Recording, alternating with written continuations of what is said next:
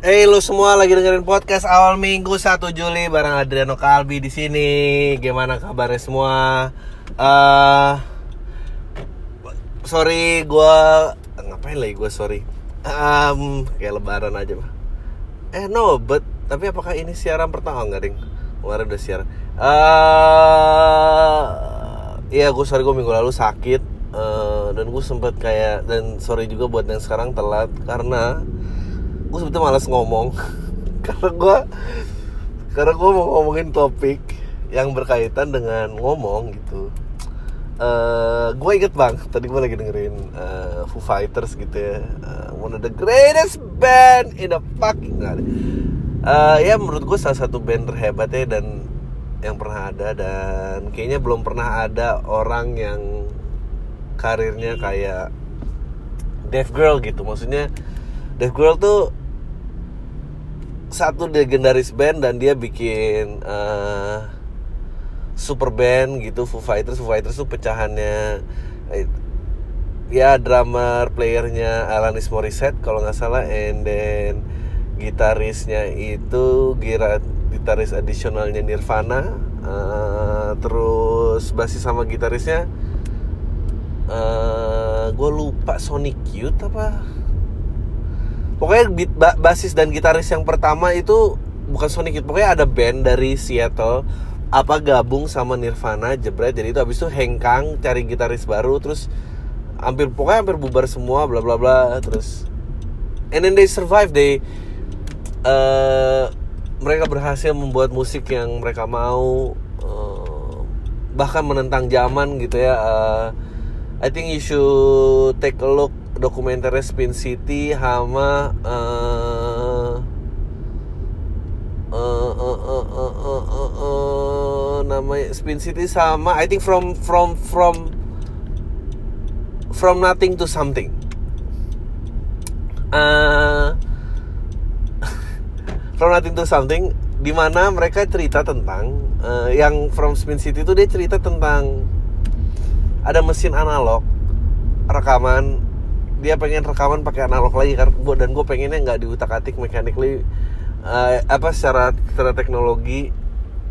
Lo harus play throughout the song. And then eh ini some geeky stuff like like sound engineer Butch uh, Butch Vig uh, basisnya Garbage.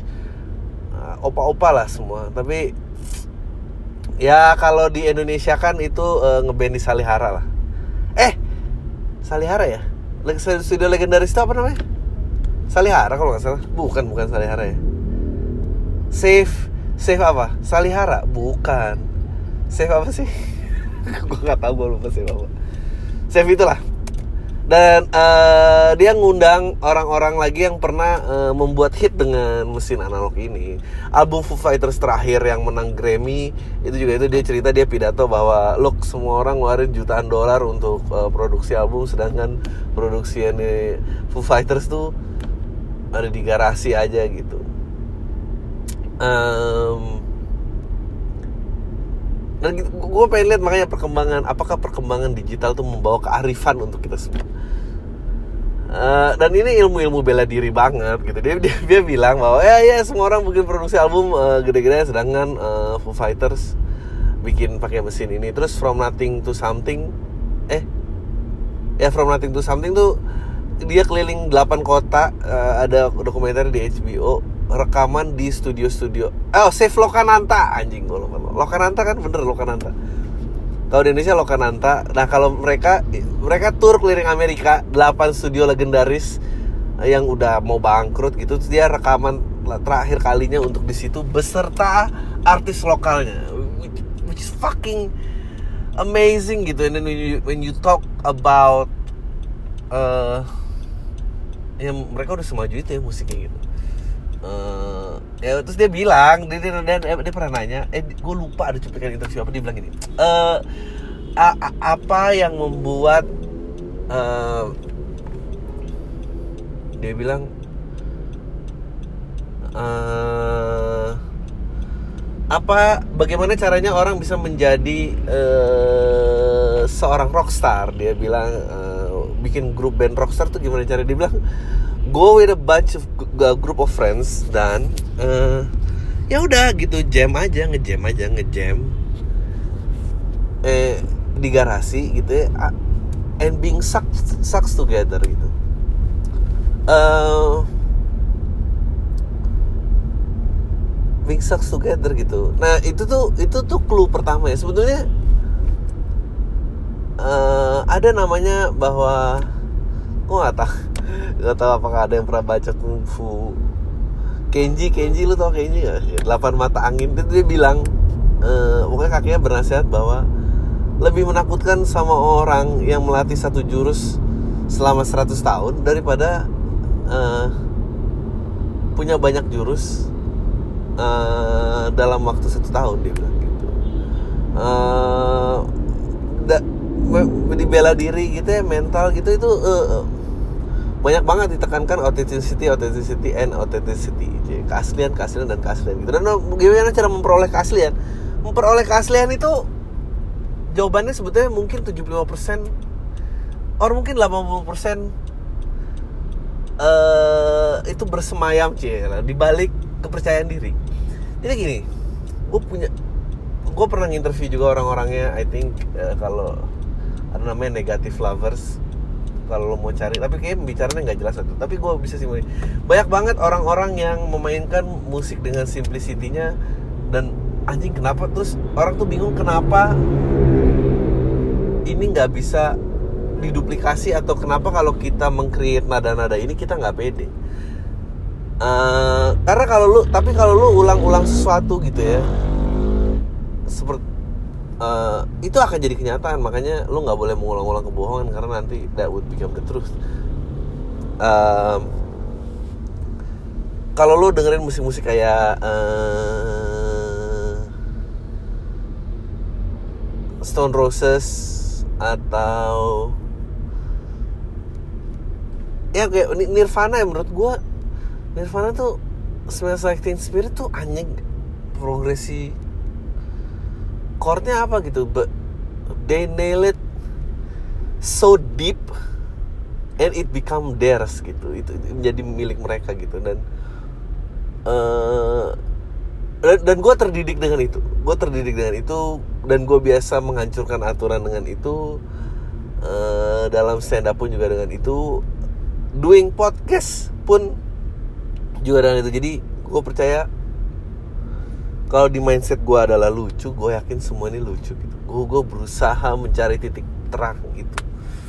Tapi yang lucu adalah dan lu selalu diperhatiin gitu kan kayak dibela diri atau apa gitu. Lu lu lu nggak mau jadi orang yang yang yang yang kalau gue bilang gitu ya lu lu mau ya jadi orang yang yang temen futsal lo yang selalu beli sepatu bagus tapi nggak bisa main futsal lo mau ya jadi orang itu lo lu kan pengennya lu pengen jadi orang yang sepatunya biasa tapi mainnya luar biasa gitu kan. Lu, lu pengen jadi orang itu gitu. Dan uh, apa kalau di Naruto tuh ada quote apa? Anjing nih si Adri. Uh, gue berusaha relevan nih? Dari Kenji ke Naruto. Uh, Naruto tuh kalau saya ada ada ada bilang dibilang um, piau gitu uh, piau apa sih itu bintang ninja itu ya ninja dikasih batu tuh masih jauh lebih berbahaya daripada orang biasa pedang pegang pedang atau pegang piau gitu uh, become deadly weapon itu di senjata pelempar ya bukan senjatanya gitu. Which is fucking awesome quote gitu. Dan kita always aspire terhadap hal-hal seperti itu. Until sampai sosial media datang gitu. Gue tahu gue tahu gue kayaknya udah mulai bosen ngomongin sosial media dan betapa gue udah nggak relate dan segala macam. Tapi gue nggak kebayang kayak kena, ken, kenapa manusia uh, itu di era di mana mengidolakan orang-orang yang banyak omong gitu. Maksudnya nggak pernah ada film bela diri yang uh, lo tau kan yang sok-sok ngajar ngomong nggak salah bro mukul tuh gini biar kenceng mukul tuh gini. Tuh pasti ada jagoan yang kayak anjing aja deh gue gue nggak mau nunjukin ke dia. Nanti aja kalau kita berantem gue tuh petau gitu kan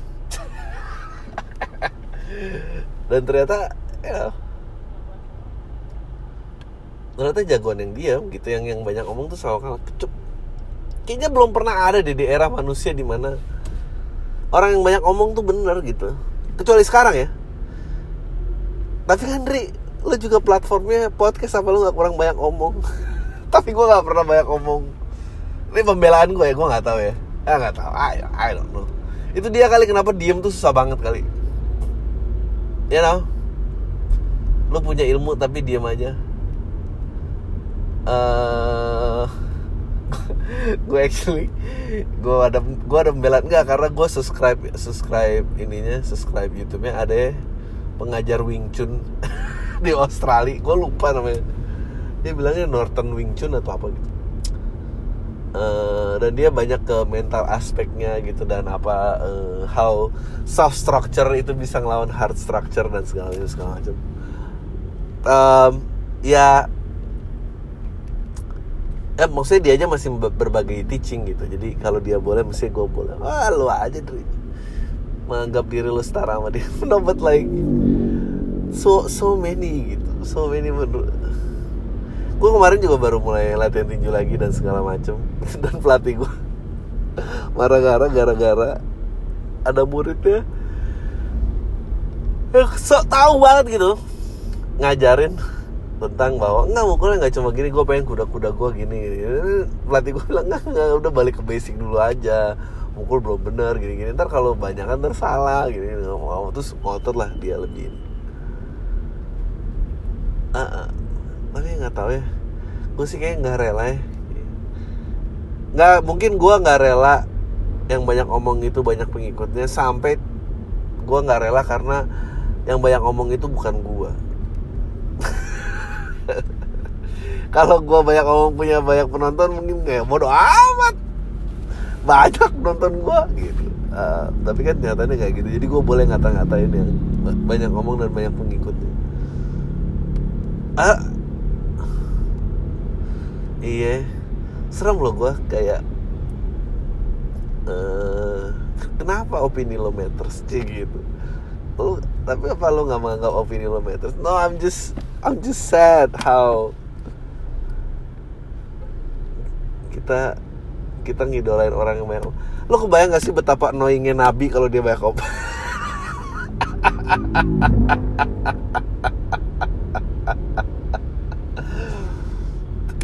Nabi tuh gak pernah kayak semua nabi kayak jarang ya banyak ngomongnya detail stories gitu. Tapi kalau kayak itu ada yang ada teman yang menuliskan perilakunya dan perbuatannya. Tapi paling sisanya kan dia ngomong nyampein wahyu aja.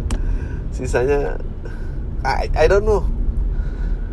Ada nggak sih frase-frase keagamaan dari nabi yang menurut saya gitu? Ada nggak sih dia yang ngomong kayak gitu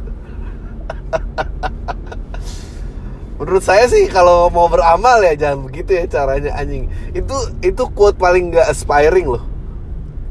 I, I don't know bagaimana agama bisa tersebar ya kalau dia ngomongnya menurut saya. Ya menurut gue sih ya ngapain kalau gitu tapi kan ntar butuh ini gitu kan. Nggak nggak mungkin kan. Tapi atau atau atau adalah uh, atau atau jangan-jangan opini-opini para ntar uh, podcast gue dijegal lagi. Atau jangan-jangan semua ajaran gitu pada kepercayaan tuh sebetulnya uh, pemikiran para ini para para na nabinya gitu. Tapi instead of bilang dari gue terus katrol yaudah dari siapa? Ya dari yang di atas gitu kali ya apa gitu kali ya? Mungkin kali. Ya I don't know. Up, gue gue tapi emang nyaman ya? Maksudnya nggak tahu ya gue sih nggak pernah nyaman ngeliat muka sih gue sendiri di kamera atau uh, suara gue sampai sekarang gue gue nggak pernah nonton film yang ada gue nya gue nggak bisa aja gitu. Gue bukannya seorang rendah hati tapi kan aneh gak sih kalau bagus sih gue acting kan nggak mungkin dong. Gue I I can't do it. Uh, tapi tapi tapi gini kayak kalau acting oke okay lah. Tapi mau kalau di kamera terus kayak anjing padahal sih gue ngevlog juga eh ya gimana sih gimana sih ceritanya kok nyampe di sini gitu um, iya nih 14 menit 15 menit rambling. Gue juga banyak ngomong sih orangnya. Oh gue gue juga ngobrol sama temen gue gue lagi membahas tentang kenapa ada orang-orang yang belum ngomong aja itu auranya udah gak enak gitu. Terus begitu. Apakah hal yang disebut aura itu ada gitu? Ada orang-orang ya padahal ucapannya aja mungkin bener tapi bener bener aja tuh ganggu gitu. Tapi ada lo pernah ngerasa gitu gak sih? Pernah ngerasa kayak aduh nih orang ngapain sih? Gitu. Lo ngomong apa sih? Lo tai lo gitu. Dia uh, belum salah aja ganggu ngomong udah aduh nyebelin gitu. Apalagi bikin salah gitu. Dan gue ngerasa uh, ya orang-orang ini hopeless aja gitu mau diapain juga. Gue membahas tadi sama tonton gue tonton gue bilang nggak nggak nggak nggak. Tapi itu memang bener ada yang namanya aura. Tapi kan aura like, lu kan nggak mungkin lu nggak bisa ke persidangan karena aura gitu maksudnya. Kayak apa quantifier aura tuh apa? Lu nggak mungkin bilang kenapa dia dibunuh habis auranya nggak enak mas gitu kan nggak nggak mungkin dong. Pasti dari sikap perilaku uh, perilaku atau kata-kata yang bisa dibuktikan ini, ini. tapi aura nggak tuh dia bilang nggak beli itu aja kata temen gue beli batu alam biar dilurusin auranya. Atau meditasi meditasi juga katanya mengubah aura. Terus gue bilang gini tapi orang-orang kayak gitu kayaknya nggak mungkin nyampe pemikiran bahwa gue butuh meditasi karena diri gue butuh pertolongan gitu. Kayak sulit. Dan um, gue gue kasih tau gue tuh gue tuh orang yang kemarin gue ngebahas sama temen gue temen gue nih ya, ya dia cowok good looking lah populer.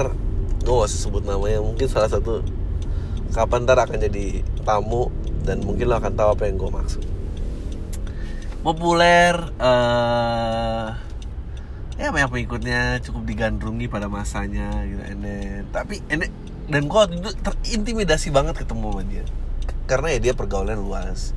Dan ini era-era sebelum internet ya di mana you know kalau lo punya teman beda sekolah 10 biji aja kan kayaknya wow gitu. Dan nggak cuma kenal di selatan mungkin tempat lain apa dan gue minder banget. Karena mungkin gue hidup dengan imaji masa lalu pada saat dia masih di atas sana gitu.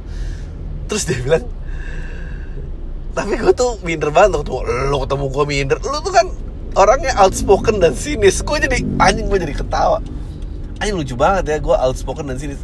Dulu gue tuh orangnya uh, minder banget minder banget. Sampai uh, mindernya gue itu gue tuh nggak tenang sama suara kosong. Jadi kalau ada suara kosong itu gue selalu isi dengan berbicara gitu. Uh, dan gue nggak ngerti kayak gimana cara biar nggak tegang. Jadi gue selalu ngomong dan ya topik yang nggak mungkin habis kan ya topik tentang diri lo kan gitu. Jadi gue seneng banget tuh ngomongin diri gue sampai akhirnya gue sadar bahwa anjing kayaknya orang-orang tuh malas dengerin gue gitu. Uh, annoying gitu nah terus gue jadi tersadar bahwa uh,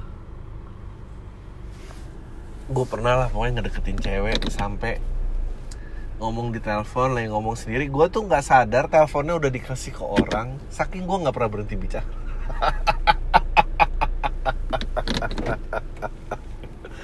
Dan itu salah satu momen paling termalu dalam diri gue uh, apa namanya gue nggak pernah sadar itu nggak dikasih orang dan ya udah gitu. Dari situ gue kayak anjing kayak gue nggak boleh bersih. Gue harus bisa gitu menangani anxiety gue dan temen gue tuh ternyata uh, dia juga keahliannya dalam bidang berbicara. Dia dia dia membawa cara dia membawa uh, dia radio DJ dan dia bilang aduh gue udah capek lah ngomong terus jadi di kehidupan biasa gue diem aja. Dan aslinya orangnya ternyata pemalu dan gue dibilang gue orang yang sangat outspoken dan sini terus gue jadi kepikiran kayak nah pokoknya sejak itu eh, lu bayangin gue lagi ngedeketin orang iya terus gue cerita ini ini ini ngedambai Ng- ngomong tentang diri lu doang tuh bukan tentang ngebanggain sifat lo doang ya tapi misalnya ngomongin impian lo kayak ya nanti kalau kita pacaran eh, kita ini ntar ntar aku gini deh ntar gini ntar kamu pasti suka deh apa gitu. Itu tuh juga tentang diri lo itu bukan tentang orang lain itu tentang diri lo gitu. Itu tentang lo dan imaji lo dan gue lagi ngomongin kayak gitu deketin orang teleponnya dikasih ke orang karena saking dia udah nggak tahan ngomong gue di situlah gue sadar bahwa anjing gue kayaknya harus berganti point of view dan dan dan udah dan nggak ngambil lahan orang. Tapi gue dulu ngomong bukan karena gue percaya diri tapi karena gue minder dan gue harus eh, ngisi kekosongan ini harus gue isi sesuatu karena gue nggak tenang. Gue gue selalu anxious dengan keheningan.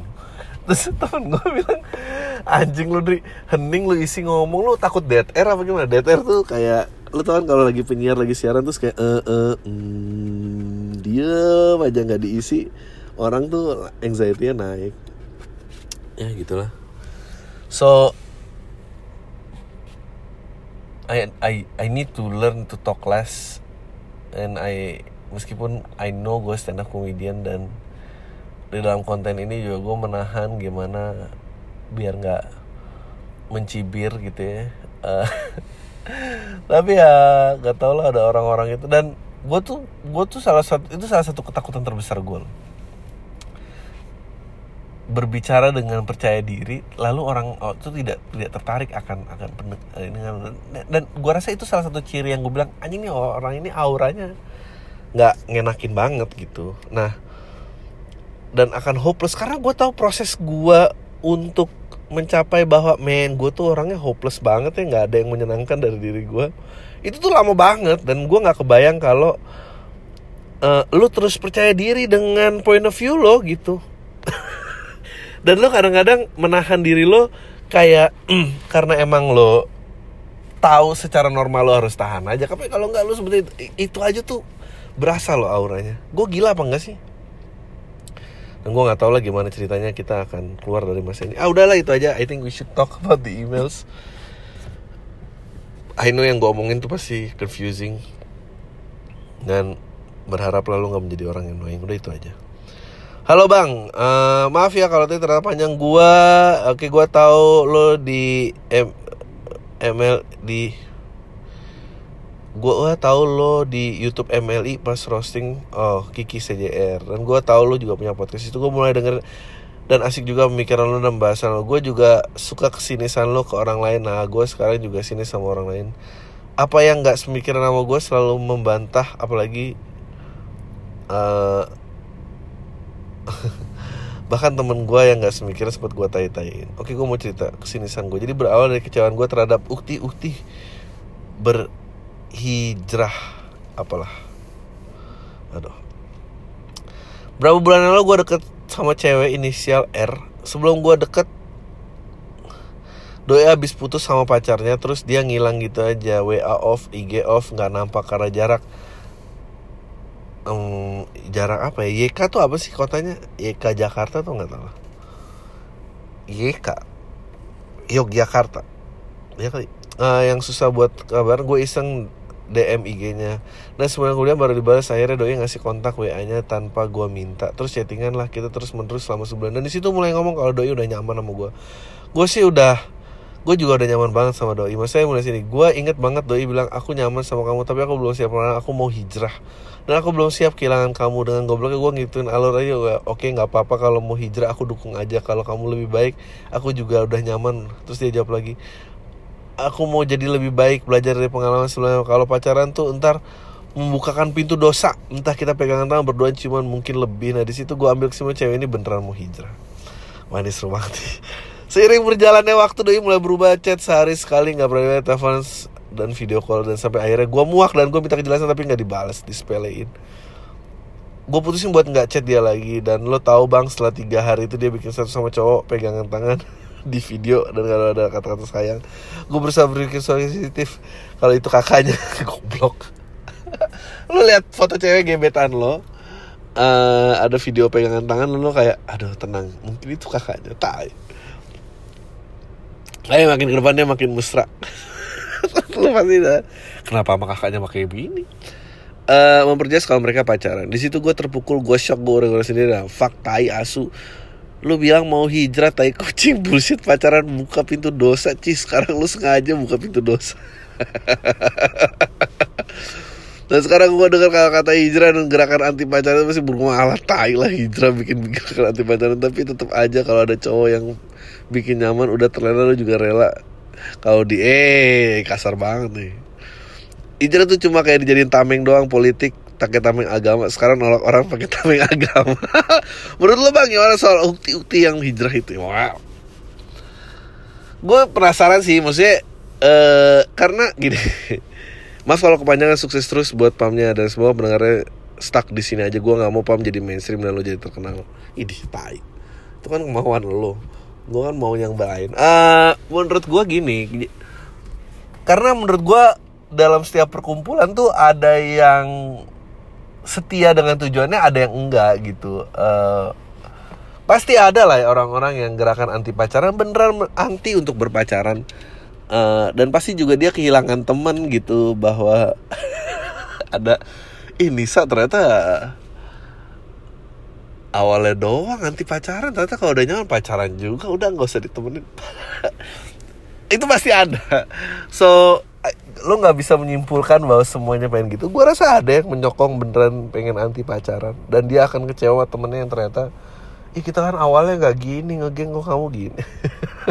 Gitu loh Bang gue suka stand up lu dan gue udah mulai nulis-nulis uh, nyatetin hal-hal yang gue lucu. Di mana dan kapan aja di note HP. Gue penasaran sih gimana kalau lu nulis materi, dibikin berkata-kata apa poin-poin penting aja? Makasih.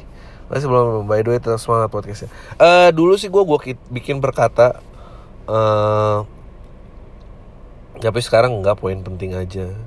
Karena gue udah tahu otak gue mau bergerak ke mana gue tahu punchline ini masuk ke mana gue tahu angle yang gue ambil. Tapi kalau dulu gue harus exercise kata per kata sih. Tapi itu gue saat pagi siang malam. Langsung aja bang. Gue kemarin deketin temen SMA kita dulu sempat tahun yang lalu dan berkuliah tempat yang sama tempatnya di Universitas Jalan Raya Jatinangor Sumedang. Jadi ceritanya gue pernah deketin nih cewek waktu beres UN Gue udah lumayan deket bahkan udah sering main ke rumahnya buat makan es krim doang malam-malam Gue rada blank gimana berlanjut tapi berlanjut.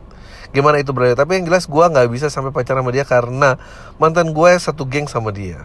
Wow Udah beres tuh gue bener-bener ngerelain aja. Udah nanti di universitas bakal banyak ketemu orang baru dan cewek baru. Setelah hampir 4 tahun kuliah gue sama dia paling cuma ketemu tiap buka bersama dan yang sering dilakuin bertiga sama temen gue satu lagi setahun sekali. Tapi gue masih keep in touch sama dia di twitter atau gue reply instastory dia. Ciao! Pengharapan pengharapan itu tuh gimana sih Nah pas bulan puasa kemarin gue punya rencana bukber Tapi pas hari H gue lupa hari itu Rencana gue bukan mau gue malah main basket sorrynya Pam dibikin kopdar main basket mau nggak ya? Aduh pasti so asik semua sih nggak jadi gue Udah seru sih. Tapi Gue males sih ketemu sama orang-orang yang ngerasa lebih asik daripada orang-orang biasanya. Itu kan Maksudnya Orang pada biasanya tuh annoying Ntar gimana? Fangirling fangirling And gue harus ketemu sama orang. Enggak gue gak fangirling biasa aja. Ayo kalau main basket. Mau gue Bisa. Aduh Itu juga sama nyebelin ya So I don't know. Gue salut sama Influencer-influencer yang mau main. Gue sih gak mau. Uh, nggak kayaknya kolam tai itu either lu orang paling mawas diri atau lu orang paling obnoxious. Obnoxious apa ya? Orang paling sok. Ya pilihannya cuma antara dua itu oke okay, gue malah main basket sore tapi terus dia nanyain setengah jam sebelum buka puasa jadi nggak ke acaranya temen gue bilang satu mobil ada yang rusak jadi dia bilang gue bakal nyusul malam. Akhirnya gue sama dia sama dia doang nih berdua walaupun makan malam doang nggak buka bersama. Terus gue jemput lah dia di kosan niatnya makan di Ricis. Makanya kita berdua di sana ngobrol ngobrol beres makan gue tanya ke temen kita yang satu lagi ya katanya cari kafe aja ntar gue nyusul. Akhirnya gue sama dia nyari kafe yang nggak jauh dari situ. Ngobrol ngobrol lagi. Ngobrolnya ambil nunggu temen kita datang gue ngerasa connected aja sama dia. Beres tuh gue jadi ngerasa ada yang beda kayak kok tumbuh lagi ya? Dulu nggak jadi gitu cie Beres itu gue sering balasin instastory tapi sampai chattingan tapi yang bisa sampai besoknya lah. jadi gue sering chattingan yang dia nggak manjang terus gitu. Cuma chatting per satu topik doang peres ya udah gitu aja deh. Sorry gue balas udah gitu aja karena gue pikir gue pede bakal dapetin dia dan sebelumnya gue sempet nonton sama dia gue kayaknya mau bilang aja kalau gue mau deketin dia. Ini berdasarkan salah satu jawaban lo dari pernyataan pendengar lo yang intinya mending ngomong dari awal kalau gue mau deketin bikin pernyataan kalau gue sekiranya deketin dia bis, lagi bisa nggak. Untuk pertanyaan gini aja gue nunggu 3-4 harian gitu. Gue lupa yang jawaban intinya nggak bisa. Ya cuma pengen temen doang nggak lebih bangsat friendzone. Emang tai kesel ada bang. Tapi ya mau gimana lagi intinya semuanya friendzone. Gue ingin benar tentang friendzone doang bang. Ah uh, ya kalau kayak gini sih I think ya udah lo uh, ini saatnya membuat dia sadar bahwa uh,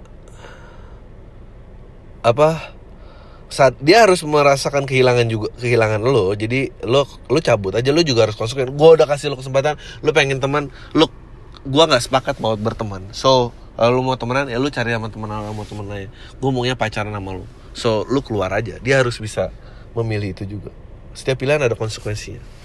Oke. Okay. Gue cuma menyampaikan terima kasih dan bawa podcast lo gue dengar dari saat yang tepat dua tahun yang lalu. Ayah gue meninggal persis di hari yang sama dan hari terakhir kontrak kerja gue selesai di milik kantor Jepang. Karena posisi gue emang bukan posisi untuk karyawan tempat Gue sempat depresi.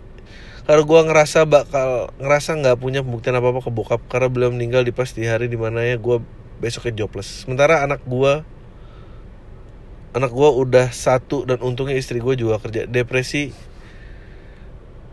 uh, Aduh kecil banget ya tulisannya depresi ternyata membuat gue semakin sulit mencari kerjaan baru. Terutama pas sudah masuk interview di saat yang sama saat istri gue pindah tempat kerja di Sulawesi akhirnya kami sepakat untuk tuker peran. Istri gue kerja dan gue ngurus anak dan kerjaan rumah. Semenjak awal gajinya udah jauh di atas gue. Tapi depresi gue makin parah karena lingkungan baru keseharian gue yang sendirian sebagai bapak rumah tangga mulai muncul keinginan-keinginan buat commit suicide saya amin syukurnya gue nemuin podcast lo dan membantu untuk gue untuk diskret dari kesedihan itu. Gue juga baca baca dan nemuin bahwa ngomong sendiri itu membantu untuk meredakan depresi dan jujur podcast lo sangat menginspirasi gue kenapa sih podcast gue menginspirasi gini-gini? Karena banyak hal-hal yang lo bilang demi di podcast mikir apa dan gue bisa relate. Demi melancarkan terapi ngomong uh, tadi menjadi hal yang lebih berfaedah. Gue akhirnya bikin podcast juga.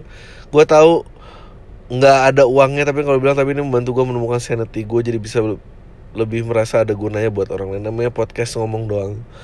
Uh, gue ngomongin isu-isu sosialnya terakhir gue bahas tentang sejarah rasisme di Indonesia dan sekarang kesibukan gue selain ngurus rumah tangga juga podcastan dan bisnis online kecil-kecilan gue akan seneng banget kalau lo sempat dengerin dan kasih saran I hope someday gue bisa interview lo walaupun ya I think kalau lo lagi main di sini email gue aja kabarin Thank you for your unpaid works di podcast Army. See, everybody, lo ngerti gak sih ini unpaid?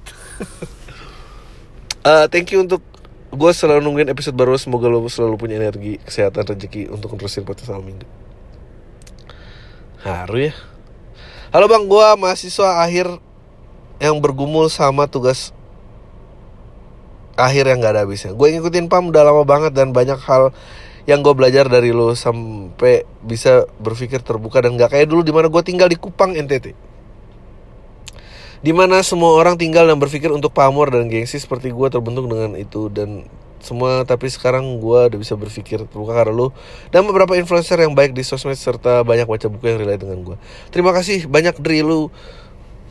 Gue mulai baca buku kembali dan lain biar perspektif gue terbuka lagi. Thanks style bang So many thanks. Bang, perkenalkan Gue mulai dengerin PAM baru 4 bulan ini dan gue tertarik dari awal episode dari situ gue tertarik bikin podcast. Oh iya, uh, podcast gue manusia tanpa kata. Di situ gue baru bikin satu episode. Dan yang ngebacain salah satu dari gue yang nggak jelas. Bang Adri kalau minat boleh dicek. Ngapain gue baca diary? Uh, yang pengen gue tanyain, bang, ketika lo mulai sesuatu yang konsisten, kan penting tuh. Nah bagaimana lu dengan bilang malas kebikin malas tapi tetap upload episode gimana caranya lu mau tetap bikin episode? Uh, caranya lu harus bikin aja. Dan biarkan uh, karya lu dijudge.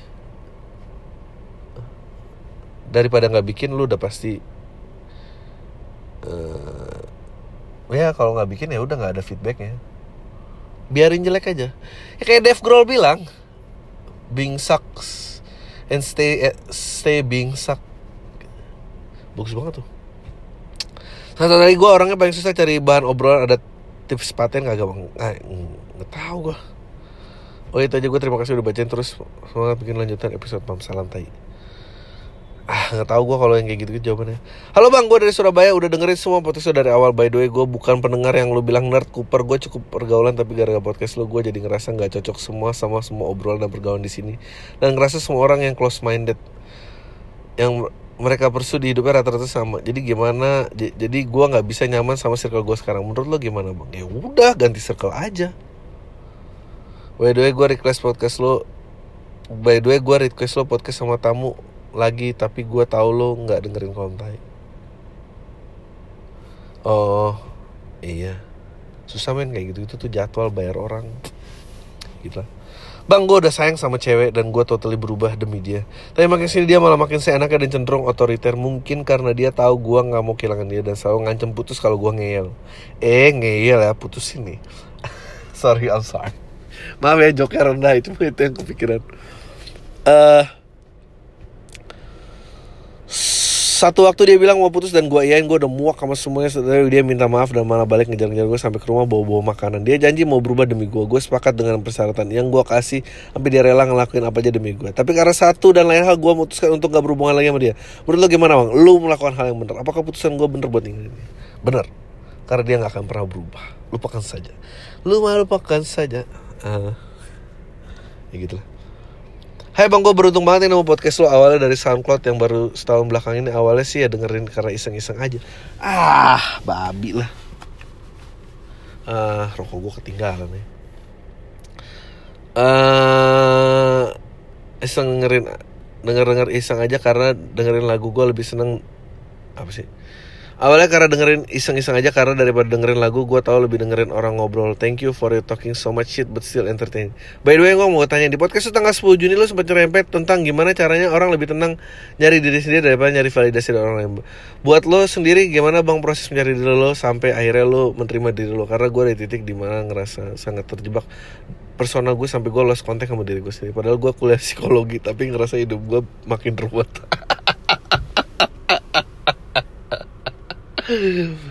Ah iya, jadi tukang cukur yang nyukur rambutnya sendiri emang gini, nggak bisa men. Makasih bang, Eh, I hope eh, istri lo buat istri lo dan selamat menikmati hari-hari lo dan hope you don't miss good things in life. Eh ya gitu, apa namanya? Nggak ada, and so many mistakes dan eh so many mistakes dan lo harus bisa menertawakan kemaluan lo. Maksudnya kesalahan lo yang bikin malu apa lo ha- have to own it. Lo nggak boleh bilang nggak own it dan lo nggak boleh bilang lo nggak part of itu gitu. Karena ya lu iya gitu. Dan sekarang gimana caranya kalau nggak mau ngakuin itu lu nemuin diri lo. Karena diri lo tuh ya good and bad gitu. Nggak cuma good doang. Dan itu paling susah. Ya kayak gue baru cerita ya dulu pernah ngedeketin orang. Men lu kalau tahu ceweknya siapa namanya yang gue deketin kayak gitu lu akan kaget tapi jangan. Dulu gue nggak nyangka dia bakal kayak gini. Kayak gitu ya. bang lu percaya nggak kalau orang tua itu kadang pura-pura bego? Kok gue ngerasain ya orang tua gue kayak mereka pura-pura kolot kelihatan banget kayak acting gue malas nanggepinnya. Aja gimana? Lu bilang aja kalian tuh acting ya? Kayak gini gimana bang cara biar bisa sabar sebagai anak? Apa memang stres pekerjaan saat di saat umur tua itu ngaruh ke pola pikir? I, I, gue nggak tahu apa yang lo maksud dengan orang tua lo acting so tapi kalau emang kelihatan acting lo I think it's funny kalau lo sebut kayak sih ya kamu tuh jadi anak harus disiplin dong udah dibayarin kuliah masa kamu nggak bisa nyelesain? Bapak ini acting yang ngomong kayak gini. Bapak ayo dulu situasi gue gak kebayang Halo Bang Adri, eh dada, gue tak, to be honest, gue nggak pernah tahu lo dan siapa lo sampai gue lihat lo di YouTube Bang Radit. Tapi setelah itu gue jadi ngerapel podcast lo dari awal, abus deh. Nah, Dan sekarang gue baru dengerin podcast September 2016 dan tetap dengerin podcast lo yang terbaru juga. Ah, Gara-gara sering dengerin podcast lo, gue jadi ngerasa pemikiran gue gue ngerasa pikiran yang gue punya sebenarnya nggak segila dan seabsurd yang gue pikirin. Selain itu gue jadi sering punya pertanyaan atau pemikiran yang nggak biasa tentang hal-hal di sekitar gue kayak kemarin gue tiba-tiba kepikiran betapa tuanya perusahaan penyedap bagus banget nih. Gue kepikiran betapa tuanya perusahaan penyedap rasa merek Sasa. Gara-gara gue lihat di direction kemasannya bunyinya 5 sampai 6 porsi setengah sendok. Gue jadi mikir dong Berarti kemasan ini nggak pernah diganti dari zaman orang Indonesia belum KB sampai menerapkan prinsip banyak anak banyak rezeki sampai sekarang. uh, sebetulnya itu potensinya bagus banget loh joknya. gitu. Sorry kalau lu ternyata udah pernah bahasnya baru-baru ini gue liat vlog di YouTube yang bahas krisis 9798 di Korea Selatan November 97 Korea memutuskan punya uang ke IMF karena di situ Korea punya utang di IMF kurang lebih 150 miliar US dollar dengan kurs Nah setelah mendapat pinjaman pemerintah Korea ini bikin gerakan untuk mengumpulkan emas di, untuk negaranya. Ini emasnya diganti dengan seharga beli dulunya dengan kurs won yang juga sudah nggak seberapa. Sistemnya mirip ganti rugi yang kena emberan jalan kali kena pelebaran jalan kali. Of course, emas ini bukan saja sumber dana untuk membayar utang, tapi emas ini untuk memberikan kontribusi yang cukup besar. Sampai akhirnya emas terkumpul sampai kurang lebih 225 ton. dalam bentuk koin perhiasan dan lain-lain. Kemudian dilebur untuk menjadi emas batangan bayar utang Agustus 2001 Korea declare negaranya berhasil melunaskan utang KMF plus interest. Menurut abang kira-kira gerakan kayak gini bisa nggak dilakukan di Indonesia? Apakah masyarakat Indonesia yang sering kali teriak-teriak nasionalisme mau bikin gerakan kayak gini? Atau karena merasa yang punya emas rata-rata orang kaya jadi malah bodoh amat toh nggak ngefek-ngefek banget di mereka? Atau mikir nggak adil karena pasti yang punya emas lebih banyak dan jadi berkorban secara lebih besar. Uh, I think I don't know. Kayaknya sih nggak mungkin ya kepikiran karena uh, ya emas bat siapa yang mau ngumpulin emas dari emasnya gimana? Kalau bisa bayar utang mah pasti udah dibayar. Kalau Indonesia nggak bisa kayak bayar utang. Bisa sih, ya nggak tau lah. I don't know. I think I think dunia lebih cepat kiamat dari sebelum Indonesia bayar utang. Bang, percaya nggak? Ada orang naik bus tapi bus berhantu gitu nggak ada supir nggak ada penumpang tapi busnya beroperasi seperti thread di Twitter mirip 90-an. Nggak percaya gue. I'm sure it's fun untuk dibahas tapi nggak percaya. Oke, okay, gue mau sharing cerita tentang podcast lu. Gue sering banget dengar podcast ngebahas friendzone. Gue mau cerita pengalaman gue tuh zaman gue bujangan beserta beberapa opini gue tentang itu. Gue cowok dan sekarang udah berkeluarga. Gue lulus SMA tahun 2003. Masih itu gue punya beberapa sahabat baik dari SMP termasuk satu cewek ini.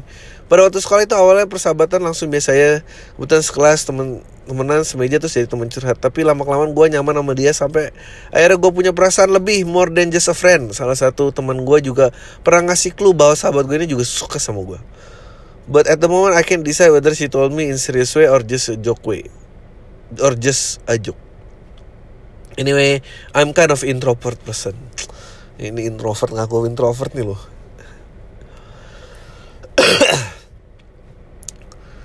Friendzone ini berlangsung sampai akhirnya gue kuliah. Karena gue lebih memilih persahabatan gue sama dia karena nggak mau ngerusak alasan persahabatan kalau takut dia nolak bla bla masih beda. Karena dan kalaupun dia mau terus nanti putus hubungannya bakal awkward tapi keputusan itu bikin gue nggak bisa move on dari dia. Anyway gue bisa bilang dia itu first love gue setiap gue dekat atau jadi sama cewek lain gue pasti ngebanding sama sifat dia. Hal itu terus berlangsung sampai sekitar awal 2008 jadi udah sekitar 8 tahun gue meredam rasa sama dia buset. Gue akhirnya nggak tahan lagi. Nothing tulus gue samperin tempat dia kuliah waktu itu sekitar 8-9 jam perjalanan darat. Singkat cerita gue tumpai semua perasaan dia. Situasi awkward banget gue bilang di sebuah warung nasi goreng Tukang masaknya yang pakai kutang doang sambil ngeliatin gue Aku tuh sayang banget sama kamu. Bang pedes. Aku lagi sabar bang saya lagi nembak Jangan nanya pedes sama nggak uh, dan gue ngomong gue suka sama dia dari lama bla bla bla gue nggak ngarepin apa gue cuma ngutarin perasaan biar gue nya relief. Dan gue masih ingat dengan jelas responnya dia bilang diam lama banget terus bilang perlahan ke gue kenapa nggak bilang dari dulu? Perasaan gue campur aduk dan nggak tahu mesti ngapain. Singkatnya gue pulang dulu untuk pagi ya balik lagi nganter dia kuliah. Gue pengen tahu kelanjutannya you know what? There is a guy waiting for her in front of her room. Wah ya yeah, I guess he is her boyfriend and I went back to my city and move on. Ya. Yeah time goes by sampai sekarang dia udah berkeluarga gue juga udah. Salah satu kita pernah ketemu untuk say doang ya. Biasalah ngomong zaman dulu nanya kabar anak dan seterusnya. Tapi ada satu kalimat yang jelek banget dari dia. Dia bilang ke gue adalah mantan yang gak jadian gue ngakak miris dong. So misalnya kalau gue ditanya apakah salah satu penyesalan terbesar dalam hidup? Harusnya gue nembak dia dari awal. Iyalah there's nothing wrong with rejection. There's nothing wrong about failure. Lo semua maunya great aja sih lo you know wanna stay suck bagi siapa pun yang terjebak dalam satu kali gue saran satu hal lebih baik lu ungkapin perasaan lo sama dia. Pilih nyesel nembak apa nyesel nggak nembak. Persahabatan emang penting tapi pilihannya untuk kesempatan sang doi kemungkinan bisa berdamping hidup. Selamanya gue bakal ambil risiko itu. Coba dari gue pengen tahu opini lo. Nggak gue 100% setuju gitu aja Dri oh ya gue punya pertanyaan lu kan pernah ngerokok terus pakai cerutu sebagai pengganti itu cara makanya emang beda bisa jelasin nggak teknik nggak cerutu bukan pengganti gue masih ngerokok sampai sekarang I'm not proud of it Uh, bedanya uh, rokok itu uh, cerutu itu nggak di inhale isep ke dalam. Uh, cerutu itu cuma buat rasanya aja dan sensasinya. Oke. Okay. Dari apa pendapat lo soal WNI yang udah bergabung sama ISIS dan sekarang terjebak di Suriah lalu meminta pulang untuk ke Indonesia? baiknya dikasih pulang atau di diradikalisasi atau just leave in, leave them there uh, hmm. baiknya nggak tahu ya kalau dia minta sendiri mungkin ya udah kali ya lah gue tuh bingung sama orang-orang yang ke Suriah gitu gabung sama ISIS lebih kecewa mana orang-orang itu atau yang dating online? Lu tau kan dating online yang anjing fotonya gini ternyata ketemunya gini tai gitu. Pas di sana tuh gimana gitu? Dan gue nggak ngerti juga ISIS kenapa dia mau ngerekrut orang-orang yang nggak mau direkrut gitu. Ya maksud gue kan maksudnya gitu kan kalau lu perusahaan kan anda mau nggak kerja di sini? Kalau mau ya, udah ngapain lu ngelamar? Iya you know tapi pak saya nggak mau kerja sini. Nggak lo di sini. Enak aja lo ke mana-mana. Apa gitu? Gak tau gue sistemnya ISIS tuh gimana. Saya nggak mau pak. Saya kira saya pengen jadi TKI aja. Saya kira ini kerja bersihin rumah ternyata megang senjata. Enggak enggak enggak, enggak lo di sini. Enggak beneran lo percaya deh sama gue dia dia tipe yang galak apa dia tipe tipe yang so jadi brother gitu. Enggak enggak lu jalanin dulu konsistensi dalam hidup. Taruh lihat deh ujungnya. Enggak percaya dulu sih pertama tuh emang enggak enak pendekatannya gimana gitu. Oke. Okay. uh, eh, gue punya tiga pertanyaan nih bang. Tentang bagaimana berinteraksi dengan orang lain. Poin-poin apa aja sih? Anjing aneh banget guys. Ah. masa sama orang aja butuh guidance sih? Uh, poin-poin apa dan bagaimana sih yang perlu diperhatikan biar jadi pendengar yang baik? Uh, yang perlu diperhatikan apakah lo selalu memulai kalimat lo dengan menurut gue? Apakah ada kata gue di situ? Kalau mau jadi pendengar yang baik jangan sering-sering. Apa sih trik Adri untuk mulai Bang Adri untuk mulai percakapan dengan orang lain? Nggak ada trik. Gue nggak selalu pengen mulai percakapan. Kalau nggak ada percakapan ya ya udah ya nggak apa biasa aja. Gue sering lihat orang kalau kehilangan suatu entah STNK KTP dompet motor bahkan bahkan mobil dan lain diposting di sosial media kalau misalkan gue buat platform hubungan orang mencari sesuatu yang hilang dan menemukan yang hilang menurut lo gimana bang? Menurut gue brilian dan gue nggak ngerti kenapa lo nanya ke sini sih dan ini eh nggak tahu lah. Eh itu kolam tay yang punya duit. ini rebutan aja nih sama idenya nih. Makasih bang. Mari ibu kalbi selalu sehat. Oke,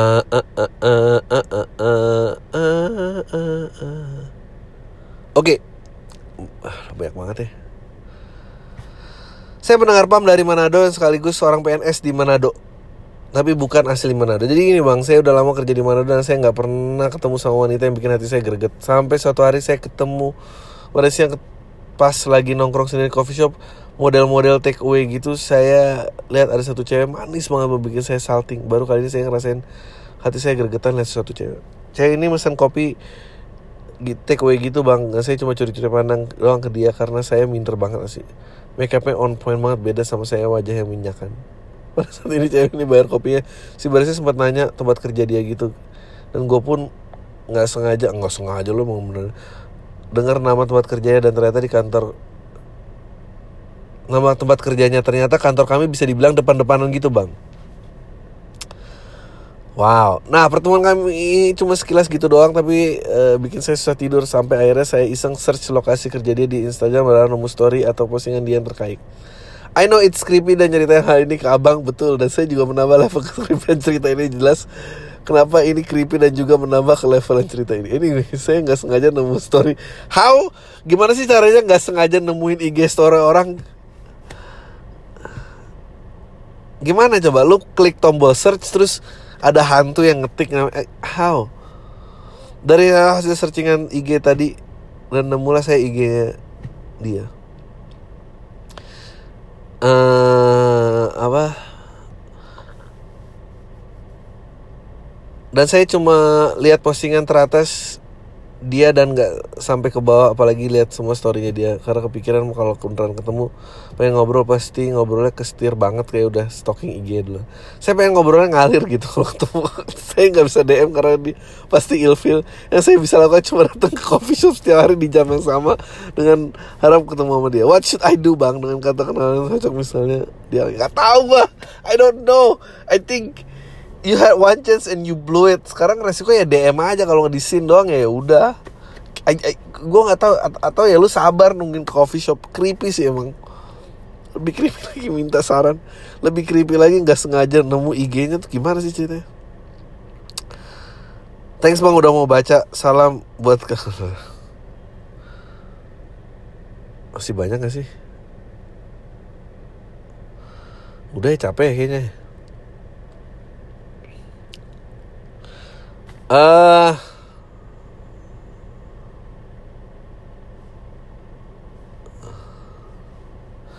Udah ya capek Udah itu aja Tai lu semua. Deh